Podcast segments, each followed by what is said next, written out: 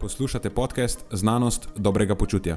To je oddaja, v kateri odkrivamo, kako lahko znanost pomaga izboljšati vaše počutje in kako kritično razmišljanje omogoča sprejemanje dobrih odločitev na področju zdravja in fitnesa.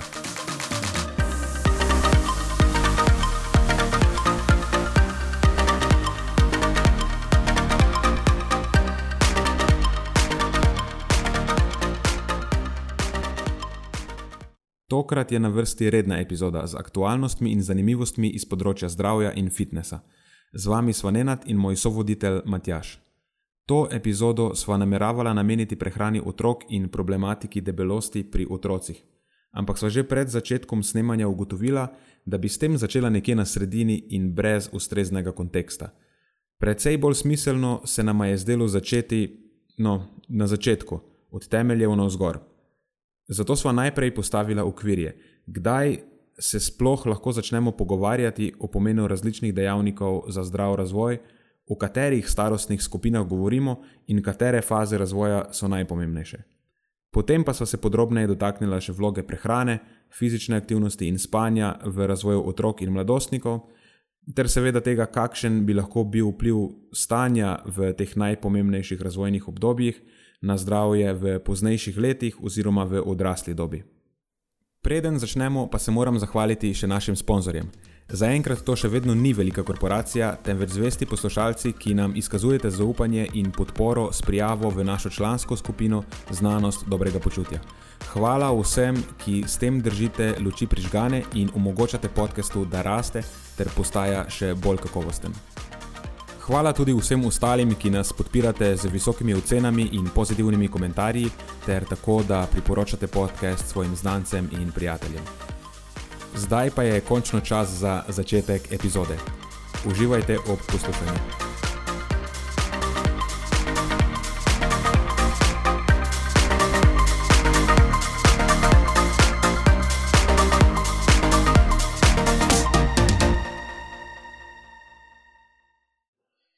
Živijo, Matjaš. Nenad, živijo. Danes se pa očitno pogovarjala o eni zelo kompleksni temi, ker ne znava niti povedati, o čem se pogovarjava. Ampak... Ja, normalno, klas, klasično za naju. Ja, Ampak, v, v osnovi se pogovarjava o, o otrocih. Ja, pogovarjava se o pomenu razvoja, zdravega razvoja in vplivu tega na naše celoživljenjsko zdravje. Ko smo to zadevo zastavili, se mi je zdela stvar zelo preprosta, zelo definirana, no, potem so pa ugotovila, da v resnici stvar ni tako zelo preprosta in da je razvoj precej kompleksna stvar.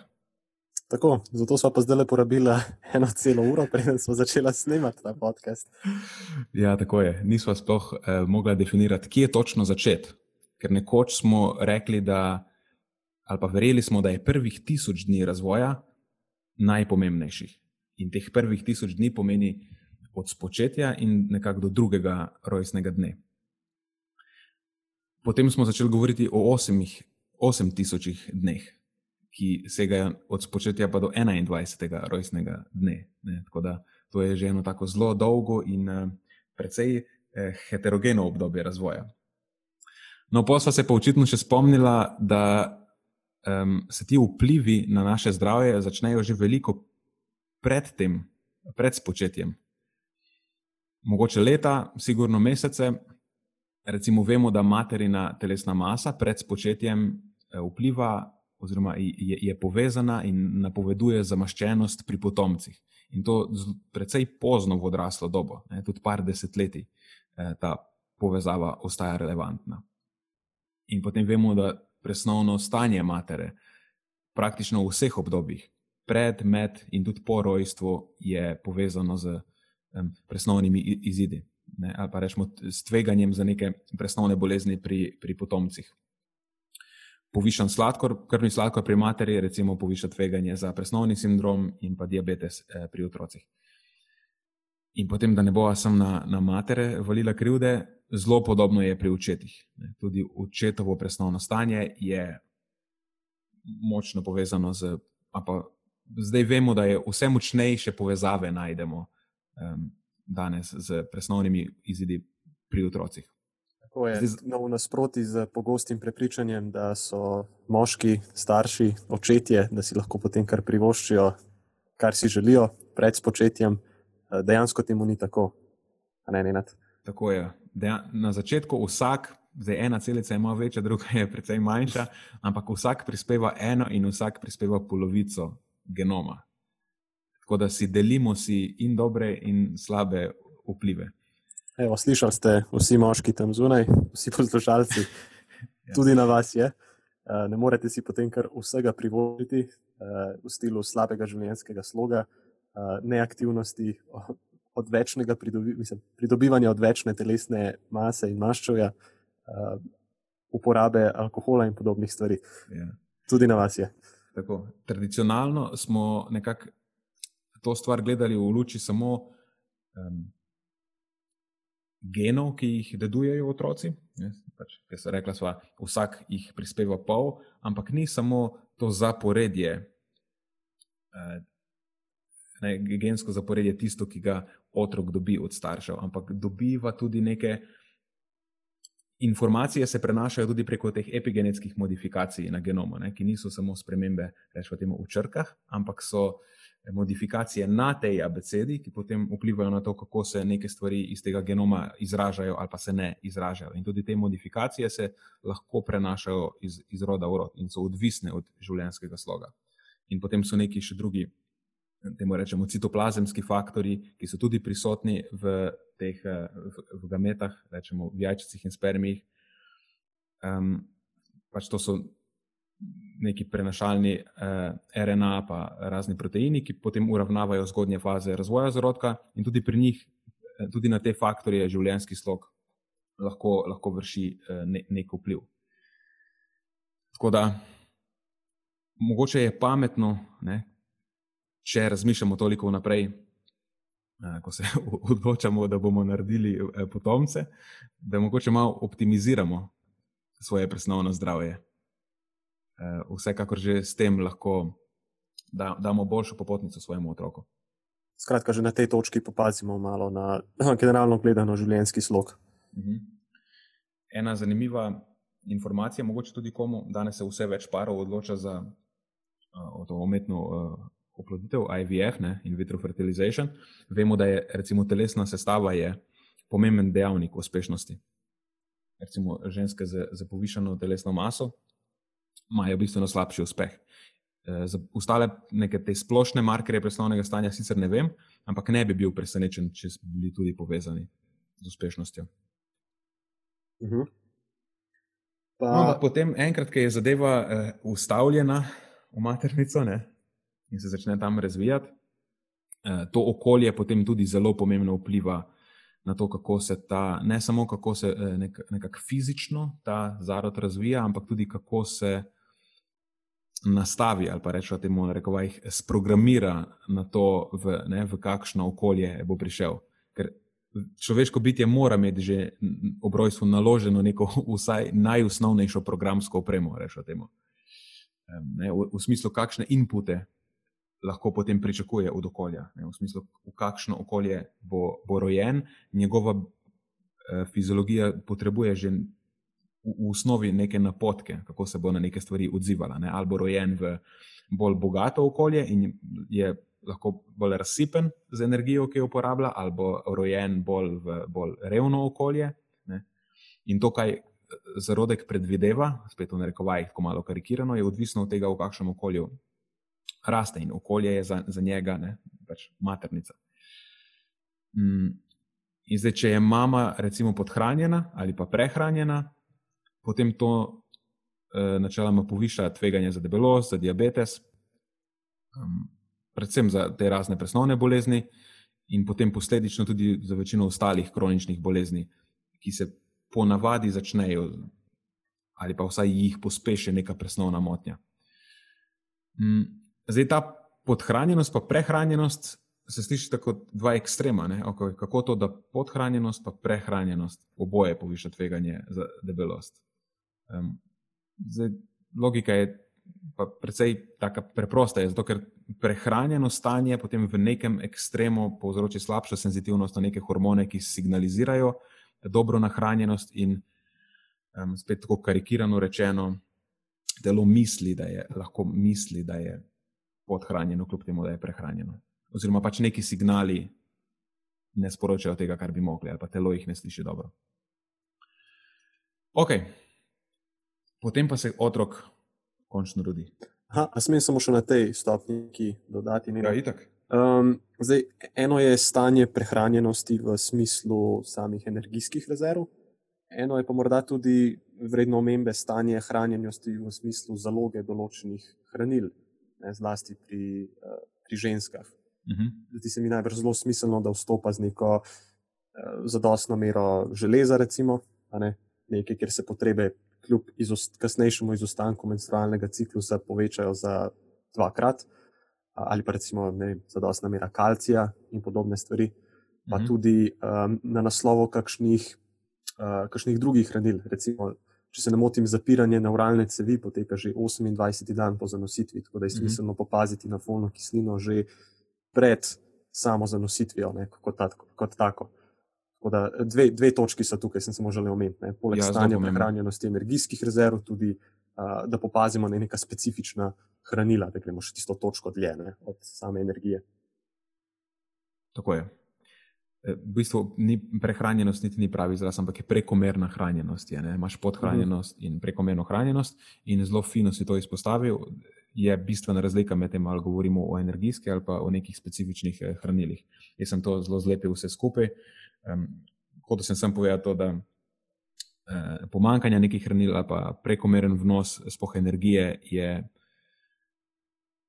ni fajn zadeva. No? ja, ja, definitivno. definitivno. No, in pol imamo končno obdobje, ko se ta naš eh, zarodek eh, rodi in odrašča, in to ponavadi traja, zdaj zakonsko to traja 18 let, ampak v resnici traja še malo dlje lahko. Mm, in zno, zdaj, kaj so najbolj ključna obdobja znotraj teh, recimo, ja, rečemo 20 let, da bo okrogla letnica. Um, mislim, otrok raste in sploh v prvih, recimo, desetih, pa do 15 let ra, raste zelo hitro. Na začetku, prvi dve leti, raste zelo, zelo hitro. Njegov prirast v centimetrih na leto je, je daleč največji. Ne, izmed, vseh, izmed, ne, izmed vseh drugih odsekov tekom njegovega razvoja. V tem obdobju ta zarodek dejansko postaja, postaja človek. In po se zadeva malo umiri, pa je ta prirast v centimetrih približno konstanten, tam nekje od recimo četrtega leta pa do pubertete. Zdaj ta puberteta, adolescenca nastopi pri fantih in puncah malo različno, punce pri puncah malo prej, recimo tam ne, 13. leta, ponavadi, 12. 13. nisem zihar, in pri fantih malo kasneje, tam 14. 15. Oziroma, takrat se zgodi ta growth spur, temu rečejo angliži, ne vem, kako je sloven, slovenski prevod tega, ampak spet je neka pospešena rast eh, okoli tega, okoli teh pri puncah 12. do 15. leta, pa pri fantih 14. do 16. Tukaj potem ta naš človek pa postaja ali moški ali ženska, če vse normalno poteka. In v, na tej točki pridobiva te sekundarne spolne karakteristike. Ne? Fantje pridobivajo mišično maso, pač poraščenost na teh eh, začetnih območjih, ne tudi punce, prerasporedi se jim maščobna zaloga, vse te stvari, ki jih nekako povezujemo ali z moškim ali z ženskim spolom biolo, biološko govorim, zdaj kako se kdo identificira, je vse en. Uh, in tudi, no, še ena pomembna stvar pa je, da najbolj intenzivne spremembe v rasti in razvoju možganov se zgodijo tam od, nek, od šestega leta, recimo naprej, pa do dvanajstega leta so zelo intenzivne, spoh te senzi, uh, senzori motorne regije.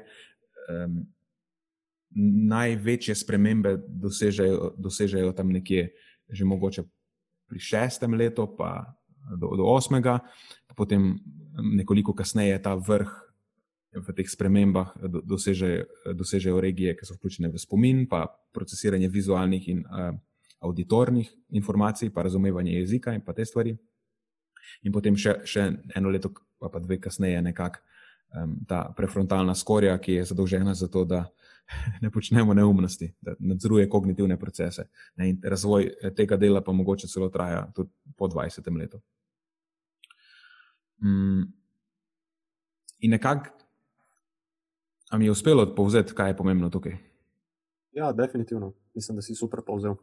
Ne vidimo, da v različnih obdobjih uh, rastejo različne stvari, stvar je precej usklajena, ne?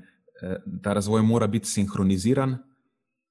In če je ta potek dogodkov v otroštvu in potem v mladosti, če nekako eh, se odvija optimalno, potem načeloma lahko pričakujemo, da bo s tem optimizirana tudi človekova robustnost in pa odpornost na vse vrste zdravstvenih rečemo, temu, prekrškov, tudi skozi celo življenje. Ne. Recimo, tudi če je nekdo ima neko genetsko predispozicijo, um, se mogoče lahko spet v narekovajih naprogramira tako, da je tveganje za to, da, jo, da, da stanje, ki izvira iz tega neugodno stanje, ki izvira iz te predispozicije, da ga razvije, um, je precej manjše, ne, če bo. Če bo za njim dobro poskrbljeno v otroštvu, do čim mogoče je večja verjetnost, da se izrazi, če je njegovo otroštvo potekalo manj idealno. Mm. In pač rečemo, da načeloma eh, dobijo otroci in mladostniki, ki so v prvih teh 21 letih dobro sestavljeni, boljšo popotnico za nadaljne življenje. Zdaj, seveda to ne pomeni, da so popolnoma odporni na neke stvari, ne, na individualni ravni tega ne moremo reči, ker posameznikovo kasnejše zdravje in uh, neke druge razplete potem določa še marsikaj drugega. Ne. Rekli smo, eno so genetske predispozicije, potem pa se imaš neko na ključje, sreča, ne? vsega tega ne moremo uh, garantirati. Ampak po uprečju pač načeloma velja, da v prvih eh, 21 letih razvoja lahko vplivamo, močno lahko izboljšamo ali pa poslabšamo eh, to neko človekovo eh, predikacijo, oziroma kako ne, kakšno zdravje mu napovedujemo v prihodnosti. Tako, in to je bil pravzaprav tudi eden izmed ključnih razlogov, zakaj smo se odločili pogovarjati o o tej temi, ker je, ker je ključnega pomena za, za celo življenje, uh, ne samo za tisto obdobje. Če rečem samo, mislim v narekovajih, ker je izjemno pomembno obdobje, vsekakor. Mhm. Pa tudi nekaj, kar ne moreš potem več naknadno spremenjati. Tako. Ko si ukalupljen, si ukalupljen. Ja. Lahko sam, samo zadržuješ upad. Ja, oziroma ga poskušaš upočasniti, kot se le da. No, vse to. Eh, mogoče to, zveni, vse, mogoče to zveni malo preveč cinično, se ni tako, ne? še, še zmeraj lahko v nekih aspektih napredujemo, tudi kasneje v življenju. Vse tudi, ko smo stari 60, 70, 80 v končni fazi. Eh, še zmeraj neke stvari, ki jih počnemo, bodo imele koristi in um, lahko. Dejansko ne samo, da zadržujemo, vse lahko pridobivamo, recimo tudi mišično maso, ampak neke globije stvari, ki so pa Ne, v tem, temelji, ki so pa zastavljeni, so pa taki, kot so. Mi lahko zgradimo zelo fino hišo na teh temeljih. Um, ampak še zmeraj so lahko temelji malo slabše, pa malo boljše postavljeni. Hm, Strenjam. Ja. Um, zdaj, ne nad uh, omenil si med drugim, oziroma omenila sva že kar ene par hranil do te točke. Uh mhm. -huh. Na zadnje, zadnja točka je bila omega-3. Sva se pogovarjala, oziroma si omenil, da so ključnega pomena za nevrološki razvoj otrokov da ima pozitiven vpliv na, na samo inteligenco, motorične sposobnosti, pozornost in podobne stvari. Kjer so pa še kakšna druga hranila, so, na katera moramo dajati večjo pozornost v teh fazah, oziroma v različnih fazah. Se mogoče lahko še enkrat na tej točki poudarimo, kako zelo so omega-3 dejansko pomembne. Ne? Za, za, za začetne faze razvoja, pa tudi kasneje. Lahko rečemo vseh 20 let, ne? Ker vemo, da so eden izmed ključnih gradnikov soživčevja in, in, in možganov. Mislim, da človeški možgani so itak že v osnovi okoli 60 odstotkov maščoba in potem nezanemrljiv delež tega predstavljajo omega-3 maščobne kisline. In obe te dolgoverižni, predvsem DH in EPA, ki smo že govorili o njih, sta pač ključni pri normalni funkciji žužnih celic. Rečemo, da ohranjata to neko optimalno fluidnost membran žužnih celic, Mhm. No, poleg tega pa potem imajo omega-3 še tako en kup drugih eh, pomembnih funkcij, ki pač prispevajo, eh, oziroma pomembnih vlog, ki prispevajo k normalnemu delovanju živčeve. To, da uravnavajo vnetne procese, eh, ohranjajo prsnovo glukozo in, in tako naprej. Skratka, mhm. želel si povedati, da imajo možgani zelo velik delež telesne maščobe. Ja, to sem želel povedati, točno tako. In ni dobro, če jim ful zmanjšate ta delež. Ne, možgani so izjema pri tem, so tkivo, ki ne mara, da mu zmanjšate delež telesne maščobe. Bi, bi uspevali na, na, na high-fat pristopu. Ja, tako je mogoče celo res. Ja. V bistvu ne bi, ne, ker imajo zelo radi, zelo radi imajo glukozo za energijo. Okay. Uh, kaj se hoče reči? Ja, recimo, zanimivost glede omega-3. Pomankanje omega-3 v zgodnjem razvoju imajo lahko vse sorte neugodnih učinkov na otrokov nevrološki razvoj, ali pa tudi na mladostnikov nevrološki razvoj. Ne. In v tem kritičnem obdobju nevrološkega razvoja, ki traja pa vsaj vse do pubertete, mogoče še malo dlje, so suboptimalne ravni. Eh, oziroma, suboptimalne ravni omega-3 lahko pomenijo tudi suboptimalen nevrološki razvoj.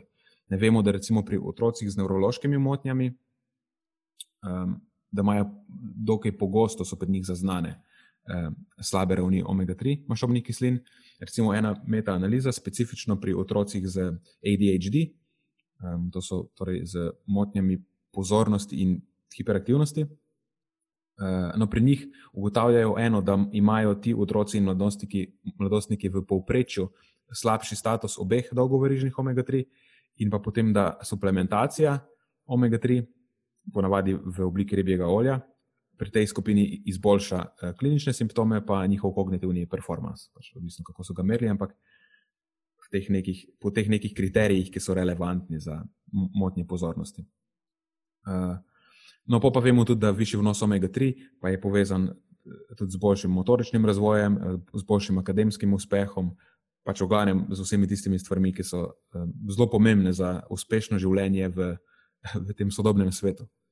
Tako da pač super, super, super pomembne so uh, omega-3. In so ena stvar, recimo, ki jih danes otroci, se mi zdi, pa ne uživajo tako, kot bi bilo optimalno za njih. O, včasih je bilo celo obvezno, ne, če se ne motim, uh, uživanje ribjega olja, oziroma je to neka taka redna praksa. Tega zdaj ne, iz nekega razloga ne delamo več. Ne, danes vse ribe, ki jih otroci uživajo, so tiste uh, fish sticks, one pohne ribje palčke. ja, tega, tega pa nažalost ne štejemo kot kvalitetne vire omega-3. Definitivno ne. Ali pa neke te maj, resmo neutralne ribe, kot so tuna. Ne um, tudi ni dober vir omega 3. Ja, ja. Uh, zanimivo. Mm. Tako da mogoče ne v otroštvu, spoh, če otrok ne mara rib, je zelo pametno razmisliti o nekem dodatku ribjega olja, mogoče celo v neki kapsuli, kakorkoli. Pač zdaj, pri tem je treba biti zelo pozoren, ne, ker mlajšim otrokom ne morete dajati kapsul. Ja, eh, bodi si nočejo, bodi si lahko zelo, nevo, zelo nevarno, da se zaduši s to kapsulo, ki je neidealen izid te cele zadeve. Ja, po drugi strani pa precej težko zamaskirati ta sam okus ribjega tako. olja v različne jedi. Razumem frustracijo. Aromatizirane različice, ampak to potem spet.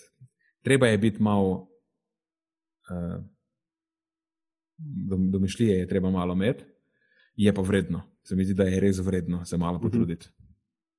Definitivno. Ker pač to je neka stvar, ki je za njih potencialno zelo pomembna. Še ena stvar, uh, ki bi znala biti, oziroma ki je izjemno pomembna, poleg omega-3, uh, eh, vitamin D. Uh. Vitamin D je uh, zadeva, ki se tako ali tako mora dodajati vsaj prvo leto starosti. Meni bi se zdelo smiselno tudi kasneje. Uh, vitamin D, pomankanje le tega lahko vodi do rahitisa, ne, so te noge na X, oziroma O, tiste podnarekovaje nogometaške noge, uh, ima negativen vpliv na delovanje imunskega sistema, negativen vpliv na samo zdravje skeleta. Skratka, vitamin D je tukaj ključnega pomena. Uh, in pa ravno na tem naslovu, ker ga predvsej malo dobimo iz prehrane kot take, pa tudi ne verjamem, da so otroci v teh uh, zgodnih obdobjih dovolj izpostavljeni soncu. Pogosto jih, seveda, logično, ne, jih raje zakrijemo, damo v bolj neko hladno okolje, Um, tako da vitamin D bi bil nekaj, kar je zagotovo smiselno vsaj razmisliti, morda o kakšnem dopolnilu, uh, vsaj morda med oktobrom in aprilom, torej neko obdobje, ko smo že tako ali tako generalno gledano manj izpostavljeni soncu. Mhm. Pa tukaj mogoče na tej točki lahko povem, da dejansko vsi maščobotopni vitamini bodo pomembni uh, v tej fazi. eh, spoh D in K, doskrat se jo tudi jemlje skupaj, oba dva sta nekako eh, skupaj, so, so sodelavca sta v tem uravnavanju presnove kalcija. Najboljša prijatelja, best friend. Ja, en drugemu pomagata. Mm, vsi skupaj, recimo tudi z vitaminom A in E, so upleteni v imunost, eh, prav tako ena zelo pomembna eh, komponenta razvoja. Pa mogoče vitamin A, mislim, ja, vitamin A eh, tudi v, ne samo v razvoj kosti, ampak nasplošno je precej pomembna stvar. V... Tako, dober vid, reproduktivni sistem, imunski tako. sistem in tako dalje. In spet so to neke stvari, ki jih je v sodobni prehrani. Načeloma jih ni dovolj, no. sploh vitamina A. Um, sicer vitamin A um, v rastlinski hrani je v obliki, ponavadi beta-karoteni se smatrajo kot vitamin A, jih čist tehnično niso vitamin A, ampak so provitamin A. Um, do neke konverzije pride, ta je lahko slabša ali pa boljša. Ampak načeloma ni napačno, če otroku damo jesti dobre živalske vire vitamina A, recimo jedrca, um, ki so izjemen vir vitamina A. Tako da niti ni fajn, da pretravamo s tem, ampak recimo, da mu damo ne, na en ali pa na dva tedna porcijo jedrca jesti, je čist dost. Dobi s tem tudi nekaj folata, ki smo že prej rekli, da je pomemben v razvoju, pač pri celični delitvi in tako. Uh, in tudi so dobre viri železa, ki je pa še ena stvar, ki jo moramo izpostaviti. Ja, zagotovo železo v tem obdobju ključnega pomena. Otroci ja, se razvijajo, pridobivajo vedno več mase, posledično večji volumen krvi. Uh, dekleta v eni točki dobijo tudi menstrualni ciklus in se potem uh, potrebe po železu praktično uh, dvignejo za dvakrat. Mhm. Tako da železo je zagotovo tukaj ključnega pomena, še posebej, če je v igri morda kakšen uh, mlad športnik, ne, ki pa še toliko več železa na nek način potrebuje. Mhm. Tukaj pač spet železo je, um, že v osnovi je pomembno ne, za prenos kisika po telesu, tam železo v hemoglobino veže kisik, eh, pa, kot si povedal, za normalno delovanje, pa um, delitev celic, pa za neurorazvoj je spet železo ključno in tudi to je razlog, zakaj je v teh prvih eh, nekaj mesecih. Ne, od rojstva naprej, tam do enega leta, se, ne samo da se toplo odsvetuje, ampak se skoraj prepove dajanje eh, kravjega mleka ali pa vseh v bistvu drugih mlek, razen človeškega mleka, mm, sploh zaradi mlečne beljakovine kazein, ki lahko poslabša absorpcijo železa. Ne? Ker dojenčki, dojenčki, sploh dojenčki, imajo na račun te pospešene rasti in razvoja živčevja lahko zelo uh, visoke potrebe po železu. Uh -huh. Kasneje, pa kot si povedal, če so zelo aktivni, potem lahko še iz tega naslova izgubljajo železo. Tako.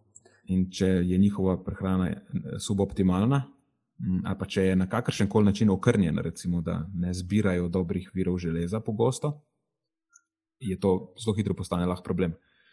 Zdaj, en plus sodobne prehrane je ta, da ne, si, smo pametni, da ve, smo ugotovili, kaj je problematično, kera hranila so problematična in jih fortificiramo v nekih živilih, ki jih otroci pogosto uživajo. Zato so recimo kosmiči, ti eh, rečejo za zajtrk kosmiči, ne? ker to so edini, ki jih lahko za zajtrk ješ. to so večino oni sami. Večerjo so prepovedani, ne, prepovedani, ne sploh probati. Tako, tudi za kosilo, ne bog ne da. Policija pride na dom in te aretira na mestu. Tako.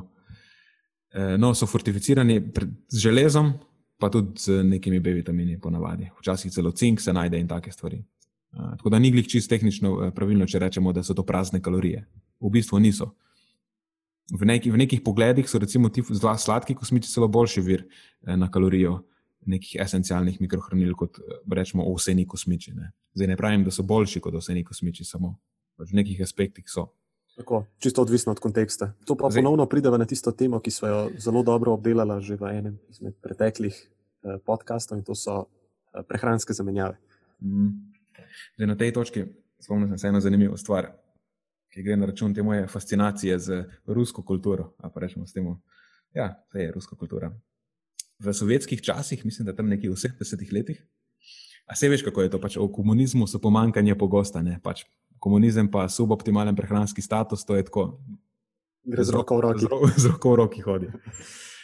No, ampak tam je bila eh, popularna, vse še zdaj je to je taka neka eh, kulturna zapuščina skoraj. prehranska ploščica, v bistvu je bila čokoladica, zgleda, da je čokoladica, prav tudi embalaža je čisto otrokom namenjena, reklo se je hematogen. ja, in je um, glavna sestavina tega hematogena je bil, reče se, črni prehranski albumin. In vsaj pet odstotkov je mogla vsebovati tega črnega prehranskega albumina, kar je v bistvu samo fina beseda za kri, za kravjo kri v tem eh, primeru. In eh, v teh petih odstotkih eh, tega črnega prehranskega albumina, po domače krvi, je glih enih 20 mg elementarnega železa. Tako da to je bil ta prehranska čokolada, je bila tako kar dober vir železa in to je nekaj, kar so sovjetski otroci takrat zelo radi jedli, in noben ni vedel, da je kri noter. Eh, še dobro, da so jo zamaskirali s takim prefinjenim imenom. Mm. Zadnji sem gledal en video na to temo, ki ga je poskušala neka ženska, ki je, mislim, da je američanka. Eh, in glede na to, da imajo američani, se mi zdi, precej razvajen okus, in ona je bila zadovoljna, tako da sem bil presenečen. Uh. Pol ni slabega okusa, sploh, ker zraven so še neke druge sestavine, neko suho sadje, pa tako pač je. Zamaskirajo, skratka, okus. Ja. Ampak mi je bilo zanimivo, kako oni so bili skozi pragmatični. Rekli, gledaj, kraju kri, ne bomo to metali stran, noben tega noče jesti, dober vir železa, jedemo čokoladice narediti z tega. Sam Rusi, veš, sam Rusi se to lahko spomnijo. Nora iznajdljiva, moram, pri, ja. moram priznati. To je, ne vem, to je, to je sicer anekdota, nisem zihar, če je to res, ampak se skozi sem se nasmejal, sem se, ko sem to slišal. Kuli v vesolju boj, da ne delajo, ne? ker potrebujejo gravitacijo za to, da pač črnilo teče dol dolnega koleščka, da pa lahko s kulijem pišeš. Uh mhm. -huh. In so Uh, se to po mojem ni res, ampak je, je smešno. Vse ne bom povedal do konca.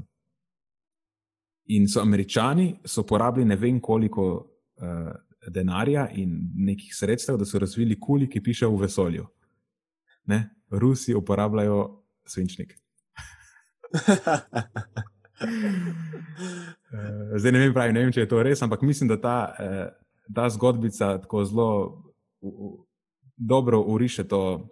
Ampak ja, ja, predstavi to rusko pragmatičnost. Zdaj, če je res ali pa ne, v končni fazi ta trenutek pomeni. Tako, točno to, točno to. Ampak vsi vemo, ne, vsi vemo, kako pragmatično je to. Veš, kaj je ruska metoda popravljanja stvari, ne? kladivo. Vse se da s kladivom popraviti. A, kaj pa duct tape, a tukaj ne. Mogoče tudi. Deluje tako dobro. ok, zdaj so zimo zašla, moja krivda. Ne, ni problema. Ostala sva na hranilih, ki so ključnega pomena v tem obdobju. Ja, mislim, da jod, jod še moramo izpostaviti. Ja, um, spet pomankanje joda uh, lahko zelo močno prizadene razvoj. Glaven razlog je zato, ker pomankanje joda uh, po, ne poslabša, ampak ja, poslabša. Prizadene delovanje enega zelo pomembnih, lahko rečemo, celo glavnih sistemov, um, ki nadzoruje stopnjo presnove in tudi stopnjo razvoja, in to je ščitnica, Um, že po samem imenu ščitničnih hormonov ne lahko sklepamo, da je jod glavna sestavina. Rečemo v njem osnovnemu, v narekovajih osnovnemu, ali pa tudi ne, te štiri, ne, je tetrajodotironin, ne, jod je že v imenu, ali pa tiroksin, včasih rečejo, in polun bolj, bolj biološko aktivni te tri je tudi eh, trijodotironin. In tudi tleke je, a, tudi pri te tri recimo jod predstavlja 60-stotni masni delež. Tako da pač jod, ščitnični hormoni so skoraj več kot polovica jod. Uh, in pol pomankanje joda, posledično pomankanje ščitničnih hormonov, uh, lahko povzroči hudo uh, retardacijo.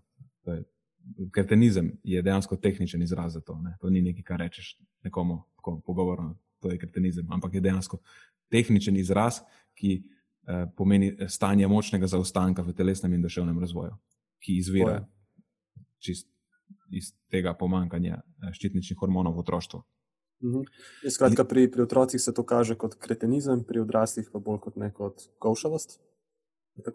Ja, ja, lahko se pokaže tako, ja, pri odraslih. Um, in spet smo bili zelo, pametno, zelo pametni, ne? dali smo ga vsov. Pa smo bili pa še bolj pametni, pa smo dali na razpolago vsov brez joda. In smo dali okrog njega nek tak mistični pridih, češ da je to veliko boljše in zdaj to prodajamo v obliki nekih himalajskih soli in podobno. Ja. To je bila seveda šala. Želel sem povdariti, da eh, judiramo so z nekim razlogom, tako da ni, ni neke potrebe po eh, prehranski zamenjavi na tej točki. Lahko je celo ta prehranska zamenjava, je lahko ne glih zelo ugodna. Uh -huh. um, so bili že primeri, ko so se ljudje spravili v težave zaradi tega, ker so zamenjali, so mislili, da delajo nekaj dobrega zase in so rekli, da okay, zdaj ne bomo več uživali jodirane soli, sem se pozabili, da tudi drugih virov dobrih joda ne uživajo. In po to glih ni tako zelo fajn. Ker prehranski viri joda so. Um, Marsikdo bo rekel tudi, da uh, viri joda, ki so nekoč bili dobri viri, danes niso več kot dobri, dobri viri, ker je nekako jod spran s prsti. Um, zdaj, to v kakšni meri je to res, si jih ne bi upal potrditi, ampak uh, na splošno so dobri viri joda tisti, ki jih ljudje načeloma ne uživajo pogosto. Ne. Neka morska hrana, morske alge, ne, koliko vas je morske alge vsak dan. Eh, potem, veš, moče jajca, krompir, take stvari, ki pač niso takšnih količinah na jedilniku, da bi same po sebi, ali pa tako pogosto, da bi lahko sam s tem zadostili ja. potrebam po jodu. Zagotovo. Uh, eno hranilo, ki bi ga še omenil, uh, mm. zagotovo ne spada čisto v to kategorijo, ki smo jih zdaj omenjali. In pa zagotovo se mi zdi, da v sodobnem svetu se ne pogovarjamo ravno o pomankanju, to, to zagotovo ni pravi izraz, ampak um, to so beljakovine. Uh, Se mi sicer, da večina otrok, mladostnikov pokrije potrebe po beljakovinah, ampak eh, rad bi podaril samo to, da pokritje teh minimalnih potreb še nekako ne pomeni, da iz tega odnosa odnesemo vse koristi, ki bi jih sicer uh, lahko. Mhm. Uh, in to je ključnega pomena pri, uh, pri mladih ljudeh, ki se razvijajo. Namreč beljakovine so osnovni gradniki, ne, tako kot opeke, s katerimi gradimo hišo so, so naš imunski sistem, koža, nohti, lasje, kosti, mišice, ligamenti, vem, prebavne celice, encimi in hormoni in pač še številne druge strukturne enote. In če teh beljakovin ne bo dovolj, ali pa ok, tudi če pokrijemo minimalne potrebe, um, pa smo ravno tam nekje na meji, ne, se zagotovo lahko to odrazi na našem zdravju in počutju, uh, apetitu, odpornosti, uh, telesni sestavi in podobno. Mhm. S tem se potem lahko navežemo mogoče tudi na naslednjo stvar, ki je zelo pomembna, ki pa ni hranilo, ker beljakovine vemo, da lahko pomagajo tudi apetit uravnavati. Pač naslednja stvar, s katero se bo, kjer bo nekaj pozornosti namenila, je pa telesna sestava. Ja, zdaj, če, če otroci praviloma, um, praviloma po nesreči, se mi zdi, da zaužijejo preveč energije, e, ravno beljakovine so pa tisti nasprotni pol. In imamo tak nek zanimiv paradoks danes v sodobnem svetu, ker po eni strani naši otroci uživajo višek energije, eh, so vedno bolj prekomerni ali prekomerno težki, po drugi strani pa tudi še vedno obstaja pomankanje hranil. Ne? Bistveno manj je teh pomankanj, kot smo prej ugotovili.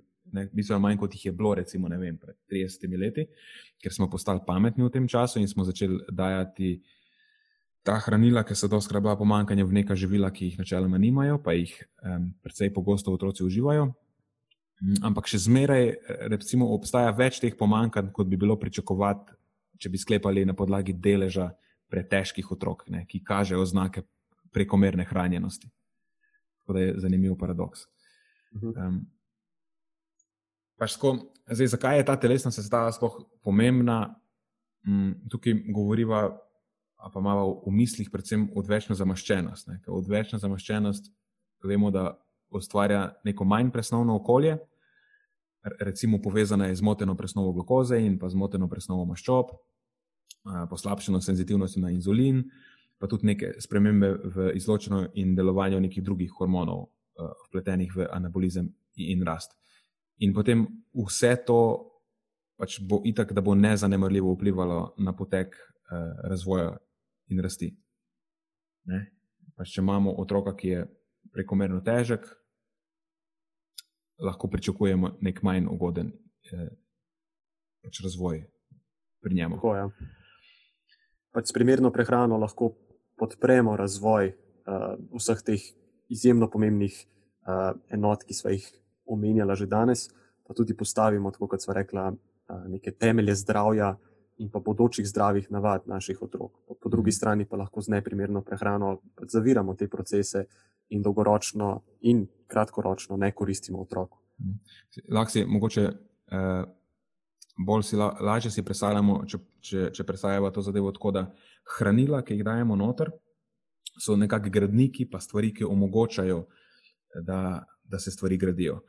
Eh, samo presnovno okolje, pa, pa telesna sestava, je pa potem ne, sej, okolje, v katerem se te stvari gradijo. In če je to okolje idealno, če presnova deluje tako, kot mora, ne, potem ta razvoj dogodkov, za katerega so pa itak prej tudi rekla, da mora potekati eh, sinhronizirano, ne v določenem zaporedju, ene stvari se ko smo stari, toliko vklapljajo, pa se potem izklapljajo, tako malo, spet karikirano.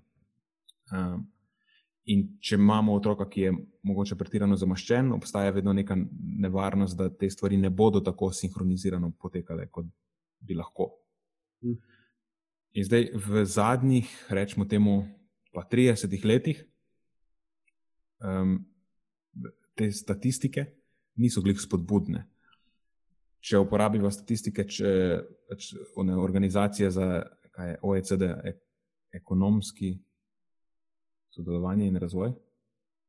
Tako je. Tako je. Ja.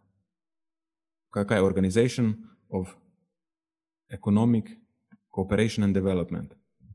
Ne vem, zakaj sem, se mi je zdelo. Ne vem, zakaj sem, se mi je zdelo. dobro prevedel. Ja? Ja, sej, ne vem, zakaj se mi je zdelo relevantno, da to kratico prevedem. to, je to, ne, to, to so pomembni podatki tega podcasta. Ja. Brez tega pač ne moramo spustiti poslušalcev. Trenutno je, um, to ni debelost, ampak pretežkih otrok pri članicah v povprečju nad 30 odstotkov, mislim, da nad 31 odstotkov. V Sloveniji smo čist malo pod tem povprečjem, pri težkih otrok je nad 30 odstotkov, torej ena tretjina skoraj. Je majhna razlika med dečki in deklicami, približno 5 odstotkov več dečkov je pretežkih kot eh, deklic. Zdaj, že ta sama številka, sama po sebi, je precej visoka, ne? definitivno pač previsoka, po mojem v 90-ih letih je bila med članicami 20-odstotna in je potem narasla do, v bistvu do leta 2016, ker so statistike od takrat, na 31 odstotkov, torej nekje za dobrih 10 odstotkov se je po, povečala. V Sloveniji pa celo je bila 10 odstotna, oziroma malo nad 10 odstotna v Sloveniji je bila med, v, v 90-ih letih. In do 2016 je pač narasla na teh dobrih 30 kar so kar um, skrb vzbujajoči podatki. Ja, za 20 odstotkov več je. je. Če, bi absolut, če bi govorila o absolutnih številkah, bi lahko rekla, da je za 200 odstotkov narasla. Uh -huh. um, ja, zdaj, kako se potem bojevati proti tej debelosti pri otrocih? Uh -huh. V eni epizodi prej smo omenjali genetiko, kako je genetika zelo pomemben dejavnik. Pri, tam so govorili v kontekstu odraslih, ampak tudi valjda. Mislim, da smo povedali, kako se stvari že začnejo izražati pri otrocih. Da imajo otroci, ki eh, rečemo najprej, da ste, z debelostjo po, povezani polimorfizmi ali pa spremembe eh, so predvsem na genih, ki so upleteni v regulacijo apetita. Ne? In potem otroci, ki so lastniki teh eh, alelov, teh variant genov, imajo predvsem večji apetit. Ne? In pot, po kateri geni povečajo tveganje za debelost, poteka preko povečanega apetita in višjega vnosa kalorij. In tukaj potem ima okolje en zelo pomemben, eh, rečemo temu, modulatorni vpliv. Ne, z okoljem potem lahko vplivamo, kako zelo se bo, kakšno moč bodo imeli geni v nekem okolju. Zdaj, če otrok živi v okolju, kjer je zelo dostopna visokokalorična hrana, potem bo najbrž se ta stvar zelo izrazila. Če pa je v okolju neka zelo nasitna hrana, potem pa ta njegov večji apetit ne bo imel tako negativnega vpliva. Tako je, v tistem podkastu si dal eno odlično prispodobo uh, z, z pištolo, eh, če se ne motim. Uh mhm. -huh. Ja, da, pa, na, tako je kot ruska roleta na nek način. Imaš, a, ponovno imaš, Rusi. ja, ponovno Rusi. Ne vem, zakaj se reče ruska roleta te igri. Če imaš revolver, pa da imaš v njemu ne, pet nabojev, pa je zelo majhna šansa, da boš zgrešil. Pa se ti bo izrazila ta stvar. Ne. Si zelo genetsko nabit za nek negativen, eh, pa neugoden izziv.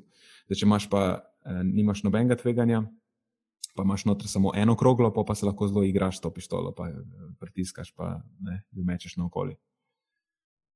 Če imaš pa visoko tveganje, moraš pa biti zelo, mora, moraš pa biti zelo pazljiv, kako z njo uh, ravnaš. In še ena zanimivost, recimo pred kratkim je bila objavljena raziskava, Kong in sodelavci, ki so nekako pokazali, so, kako imajo otroci že pri 9 do, do 18 mesecih, skupina, ki so jo vključili, je bila stara med 9 in 18 mesecev. Pri njih so določeni državljani, imajo zelo različen, oni temu rečejo, reinforcement ratio, pa value, mislim, da se uporablja tudi. Ne? Torej, neka vrednost, to si lahko predstavljamo, ta reinforcement ratio ali pa value pomeni, kako nekoga neka stvar privlači ali kako visoko vrednoti to stvar nad nekimi drugimi stvarmi. In potem pri teh otrocih so preverjali, kako jih privlačijo neki videoposnetki, eh, igranje z mehurčki, igranje inštrumenta, ne nekdo drug jim je igral neki inštrument, in pa njihova najljubša hrana. Njihovo najljubšo hrano so uporabili eh, za preverjanje tega eh, food reinforcement ratio. In potem so ugotovili, izračunali so, ne, kako je ta food reinforcement ratio v primerjavi z drugimi eh, državljani, kako pomemben jim je in kako se to odraža na njihovem apetitu ali pa odnosu do hrane. Ne. Izračunali so temu, so pa rekli, relative reinforcement ratio of food. In so ugotovili, da otroci, ki imajo načeloma večji apetit, po nekih drugih, na, na podlagi uh, vprašalnika njihovih, mislim, da so starše vprašali. Ne, otrokov očitno niso mogli pri devetih mesecih. Izmerili so potem apetit po nekih drugih, uh, uh, po nekih drugih kriterijih in so primerjali z tem reinforcement ratio in so ugotovili, da ja, otroci, ki imajo tako velik apetit, vrednotijo to hrano bistveno više kot neke druge državljane. Ne? Raje jejo, recimo, kot se igrajo z mehurčki ali pa poslušajo igranje inštrumenta. Tako da potem si lahko predstavljamo, kako ti otroci, ki jim rečemo, temu hrana pomeni več ali pa jih bolj privlači, sploh če odraščajo v nestimulativnem okolju ali pa v okolju, kjer ni dosti drugih bolj privlačnih državljanov za njih, se bodo valjda pogosteje zatekali hrani. Ne? In, ali pa se bodo celo mogoče začeli pretirano zanašati na hrano, da, da ta nek drug primanjkljaj državljanov, ki jih rabijo, eh, zapolnijo. Tako da mogoče še en način, na malo drugačen način predstavljeno, kako lahko okolje vpliva na, na tveganje za debelost. Ne, ne samo, kje hrana je dostopna, ampak tudi kako neki drugi državljani v okolju lahko eh, različno vplivajo pri različnih otrocih. Ker če imamo enega, ki se rad igra z mehurčki, on se bo igral z mehurčki, tudi ki mu, veš, on ne bo jedel. Vsi poznamo, zihar vsi poznamo enega tazga otroka, ki mu daš hrano na mizo, pa ne bo jedel, on se bo raje igral. Ne? Maš pa enega drugega, ki skozi visi za mizo, dajte mi jesti. In mislim, da je to glih ta razlika. Zanimivo, ja, zelo zanimivo. Ne, nad kakšen si bil pa ti? Jaz sem, bil on, jaz sem bil on, po mojem, ki skozi za mizo stoji. Ti, ti mehurčki ti niso bili pri srcu. Ne, jaz sem bil tak, en tak introvertiran otrok, ki se je um, ki se zanimale knjige in take stvari. Tako, to že pri devetih mesecih, pa ti si fenomen.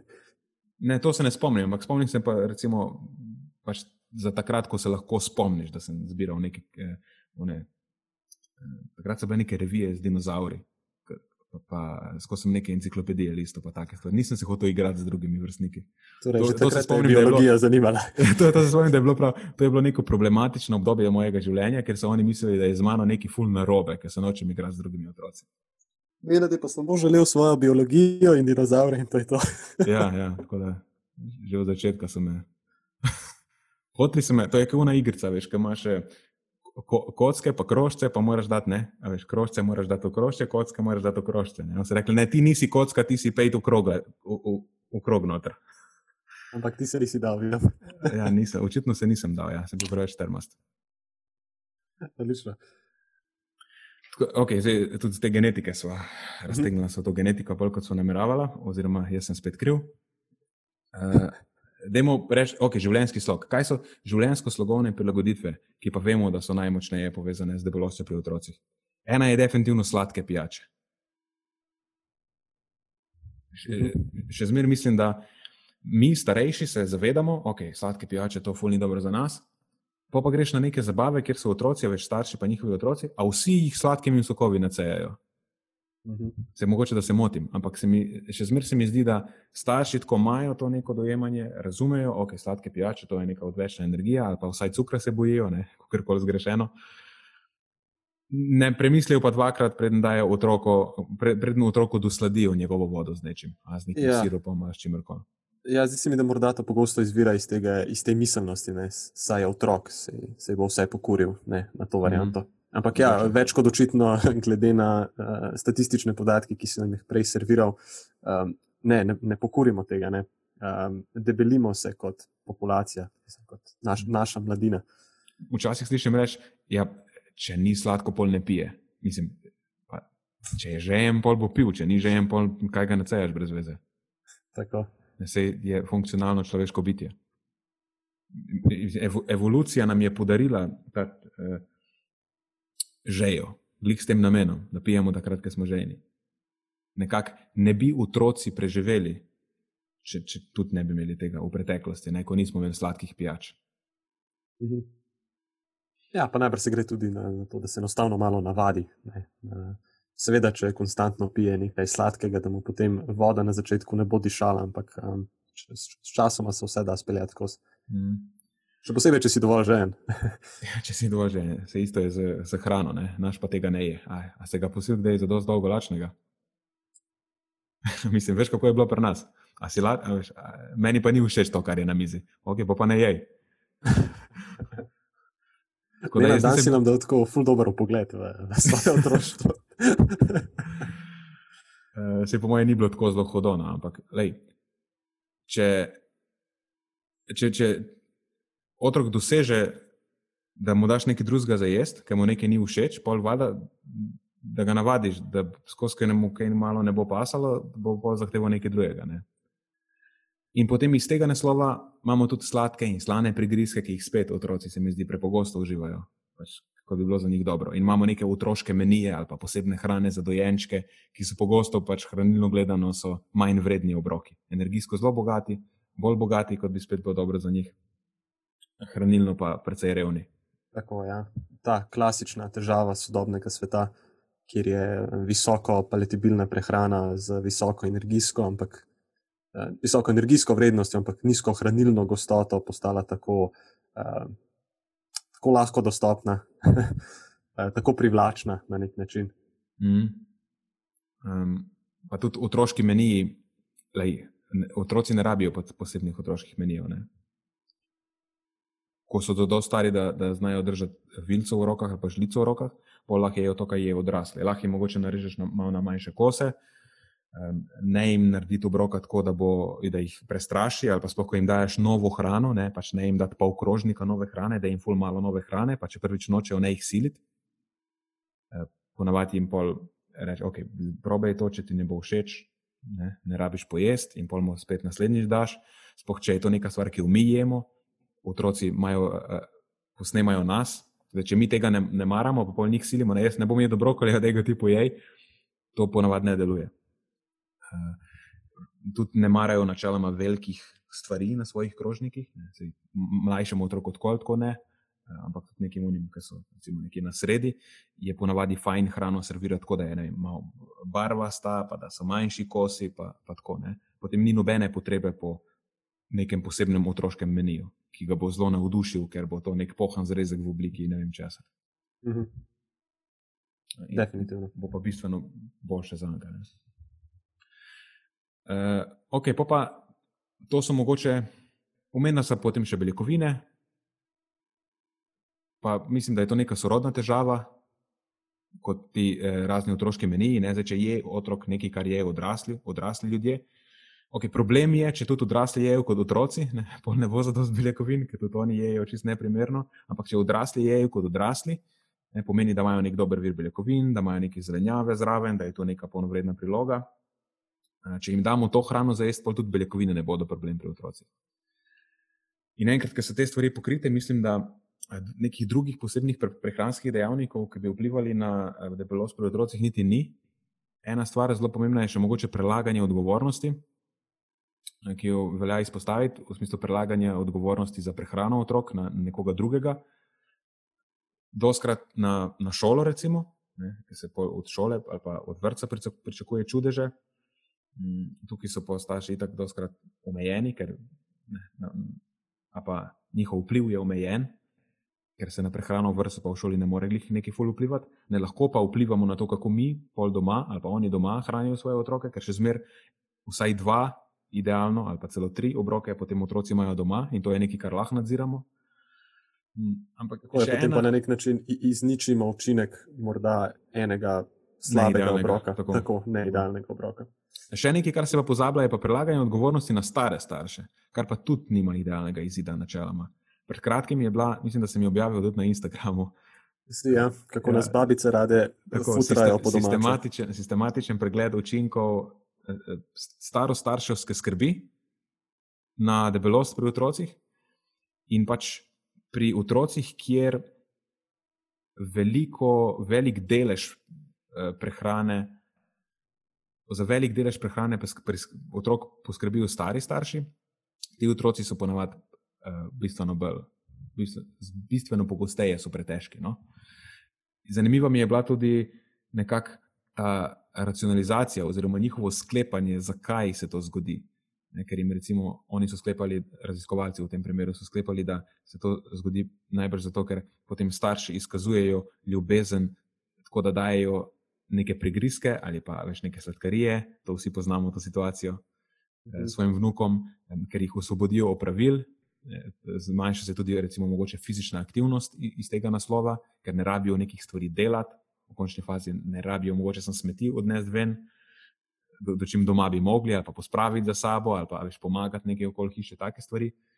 In pa tudi popuščajo jim najbrž pri drugih stvarih tudi na prehrano vezanih, mogoče pri kosilu ne rabijo pojasne časa, pa pol, da veš, lahko dobijo sladico in take stvari. Da, še, še zmeraj je fino, da so starši tisti, ki eh, poskrbijo za večino prehrane svojih otrok. Ne. Se je načeloma naj bi tako bilo. Potem je tudi to zelo bo, boljš, načeloma bo potem to imelo boljši izid na tem področju. Um, da čim se je družinsko okolje na splošno, je družinsko okolje en pomemben faktor. Vemo, debelost staršev je zelo dober napovednik, da bo otrok debel. Pa to ni samo zaradi genetike, ampak tudi zaradi, ali pa mogoče celo predvsem zaradi prenosa prehranskih navad. Starši so pretežki zato, načeloma ne samo zaradi genov, ampak zato, ker imajo take prehranske navade, kot jih imajo, in po jih tudi otrok podeduje. Vemo, da recimo odraščanje v manj stabilni neki družinski strukturi ali pa v konfliktnem okolju je tudi povezano z slabšim nadzorom nad apetitom, načeloma z višjim vnosom kalorij in pa celo z večjo pojavnostjo, pojavnostjo moten prehranjevanja. Uh, še ena stvar pa, recimo, e, odraščanje v enostarševski družini isto tako je, je povezano z pogostejšo pojavnostjo debelosti. To je neka stvar, na katero sicer ne moremo vplivati, ampak pač čisto statistično je recimo tudi nekaj, na kar je smiselno biti pozoren, spoh če nekdo je eh, sam starš, ne, Tukaj smo polomejeni, vsi razumemo, da je zelo, zelo težka situacija. Mogoče več starš mora delati, eh, otrok nima pri kom biti, nima, eh, mogoče včasih nimajo niti podpore, potem starih staršev. To je ena zelo težka situacija, ampak ki potem poveča tveganje za debelost.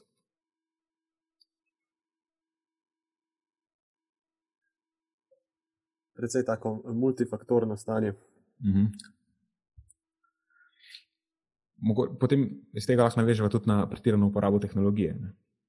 Tudi otroci, mm -hmm. mogoče, ki so sami doma, se nekako morajo zabavati. Pa potem uh, mogoče gledajo več TV-ja, igrajo igrice, uporabljajo internet. Um, ampak se to ni samo stvar, ki se zgodi v enostarševski družini, se je vsem jasno. Na splošno je to nek ja, pogost tako. pojav, tudi danes je narašča uporaba interneta. Ja, tako je. Nekakšna ta neaktivnost ne, oziroma eh, čas, ki ga otroci presedijo pred ekrani, načeloma ni povezan z nekimi pozitivnimi um, zdravstvenimi izidi, oziroma um, samo telesno sestavo in maso. Mhm. Negativni učinki tega se predvsem izrazijo, ker to pride v kombinaciji s pomankanjem fizične aktivnosti, a pa sploh ko izrini fizično aktivnost, ko nadomesti fizično aktivnost. Mhm. In telesna aktivnost Je to zdaj naslednja stvar, o kateri govorimo? Ja, mislim, da se fajn navezuje. Ja, telesna aktivnost uh, si tukaj v bistvu že dobro načel, je nekaj ključnega pomena, uh, še posebej v tej fazi, uh, iz vidika ohranjanja telesne mase, um, pomaga k boljšemu uravnavanju samega apetita, lahko rečemo, da pokuri nek nezanemrljiv delež energije, uh, vsekakor tudi pripomore k ustreznemu pridobivanju neke puste mase, kar vemo, da je izjemno pomembno iz vidika akutnega in dolgoročnega zdravja uh, in tako dalje. Zdaj pa ena čisto moja taka osebna nota. Zdi se mi tudi, da telesna aktivnost na nek način pripomore k temu, da otroci razvijajo en tak pozitiven pogled na tako trdo delo kot tako. Veš, mhm. da lažje vem, stisnejo zobe in prebrodijo neko težje obdobje, recimo v obliki nekih, svem, nekih izpitov, testov in podobno. Zdaj, morda se motim, da je pač neka predpostavka, ki izvira iz tega, kako sem bil samo vzgojen. Um, ampak ne glede na to, telesna aktivnost je, je super. Um, je pa seveda nek, nekatere stvari obstajajo, na katere moramo biti pozorni uh, pri sami telovadbi, ko se pogovarjamo o telesni aktivnosti otrok tukaj vam bi pa rad predstavil uh, en nedaven pregled literature o smernicah telesne aktivnosti pri otrocih in mladostnikih. To se navezuje predvsem na te otroke, ki so stari nekje med 5 in 18 let. Uh, je pa vzela zadeva uh, v obzir več kot 50 različnih smernic iz celega sveta, med drugim tudi iz Slovenije. Zato se mi zdela tako zanimiva stvar za predstaviti. Zdaj, nepresenetljivo, ti že samo omenil, Nenad, je to, da um, da je po eni strani neaktivnost in čas, ki ga otroci presedijo pred ekrani, povezana z neugodnimi izidi, in po drugi strani zelo šokantno, podnarekovaj, ne, nepresenetljivo, telesna aktivnost je povezana z boljšimi, bolj ugodnimi zdravstvenimi izidi, boljšo telesno sestavo. Um, zdaj, kar se pa tiče samih priporočil. Čisto odvisno od definicije, oziroma od države, ki podaja te smernice, ampak bolj kot ne, večina držav priporoča, oziroma večina smernice giblje nekako v tej smeri. Prva točka bi bila sama dolžina telesne aktivnosti, ki naj bi trajala minimalno eno uro ali več na dan. Zanimivost na tej točki so nemška priporočila, ki predlagajo precej več. In sicer 90 ali 120 minut na dan, oziroma več, ali pazi to, ne nad 12 tisoč korakov dnevno. to se mi zdi tako, tako zelo uh, brezvezno priporočilo na nek način. Ne vem, kako za vraga bojo to merili, vsi nosijo pametne telefone pri sebi, že ko so stari pet let. Štet, štet moraš. Štet moraš, ne, ja se. Veš, odlična vaja tudi za, za možgane. Um, mogoče bi pa na tem naslovu nekaj res uporabnega povedal, to je pa je, da, si, um, da ni potrebno, da otroci to aktivnost izvedejo v enem šusu, Uh, učinki vadbe so namreč kumulativni. Ne? Lahko se ta telesna aktivnost razdeli recimo na vem, dvakrat po 30 minut ali pa trikrat po 20 minut, nekaj v tem stilu. Če, idealno so otroci tako aktivni cel dan. Tako, to je idealni scenarij. Uh, vsi vemo, da pač do tega scenarija ne pride vedno, nažalost. Tako da lahko vsaj en način, kako lahko spodbujamo, to je preko tega kumulativnega. Ampak ja, vsekakor se strinjam. Uh, najbolj. Še da so cel dan na igrišču in to je to. to. To je še en trend, ki ga je opaziti tudi v šolah. Nekdo mi je zadnjič rekel, da, da zdaj, mislim, da se je celo zmanjšala, ure športne vzgoje v šoli so se zmanjšale, poleg Aha. tega zdaj se pri športni vzgoji teste piše. A si predstavljaš to? Tega pa nisem vedel, teste se piše. Ja, nekje sem slišal. Mislim, da je, je Marko Juhant. Moj hm. tako ime. En, okay. en, znan, en znan gospod, ki se ukvarja z vzgojo problematičnih otrok. Hmm. Um, Zadnjič sem pa poslušal en, en, en podcast z njim. Um, ja, in mi je bilo tako zelo zanimivo, ker že tako ali tako imamo eh, nek pomankanje gibanja znotraj tega časa, ki ga otroci, eh, Marko Juhant, ja, ki ga otroci preživijo v šoli. Zdaj, dajmo zdaj še edino. Edini predmet, kjer se dejansko premikajo, da mu ga še dodatno okrniti. Ja. Hmm.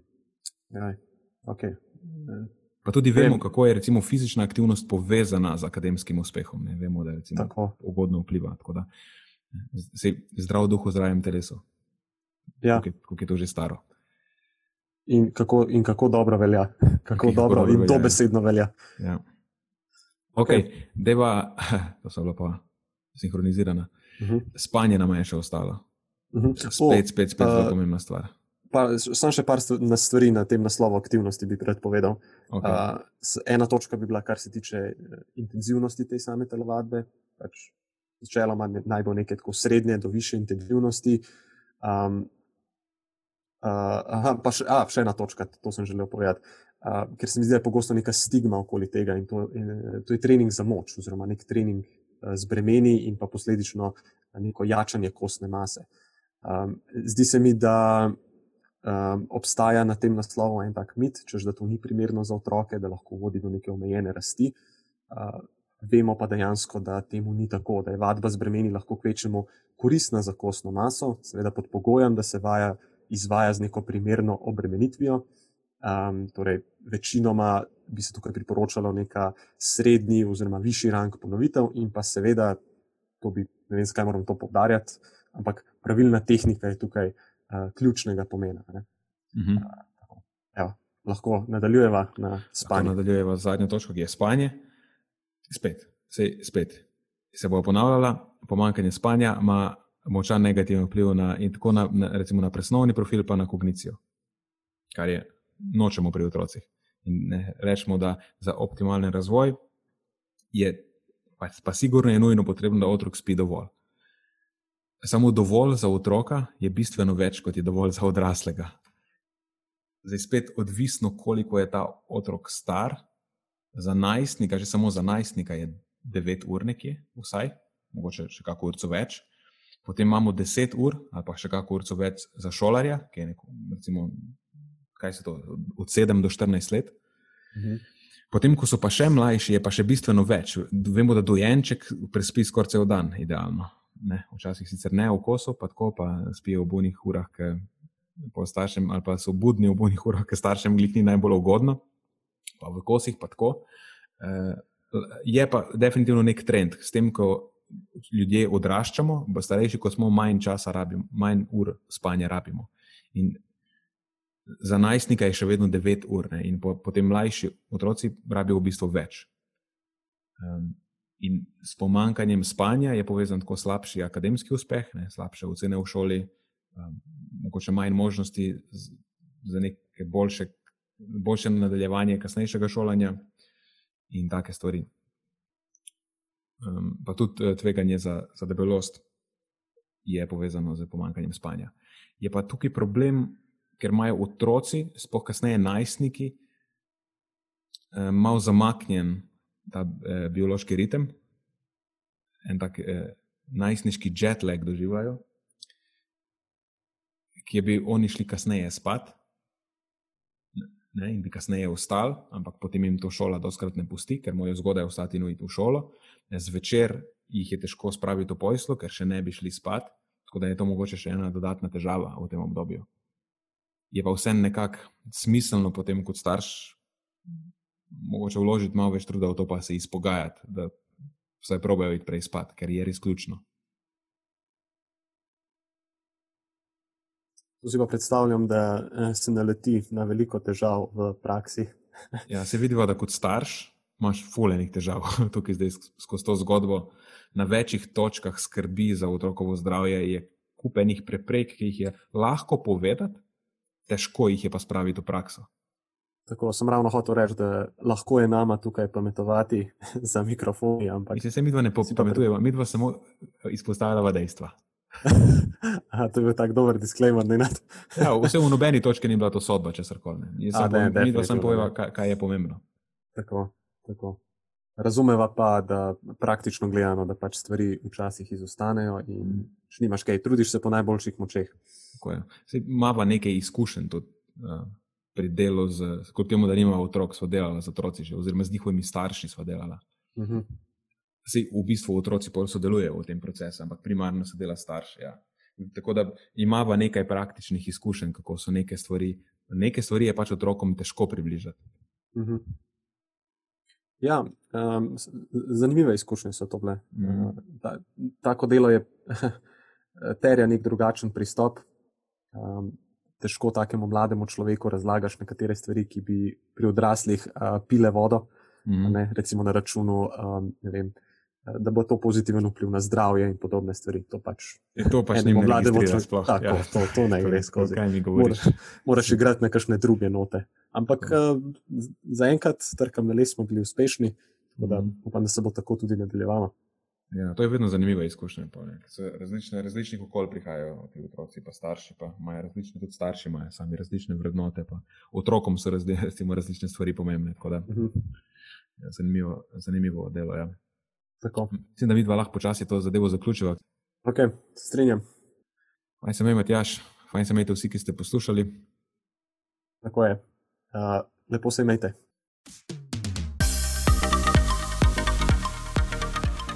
To je za tokrat vse iz naše strani. Hvala, ker ste poslušali do konca. Če mislite, da je bila današnja epizoda pomembna, jo prosim delite s svojimi znanci in prijatelji in jo priporočajte dalje, saj s tem omogočite, da doseže čim večjo množico. Hvala vsem, ki nas podpirate s članarino in tudi vsem ostalim, ki delite podcast dalje in nam izkazujete naklonjenost z visokimi ocenami in pozitivnimi komentarji.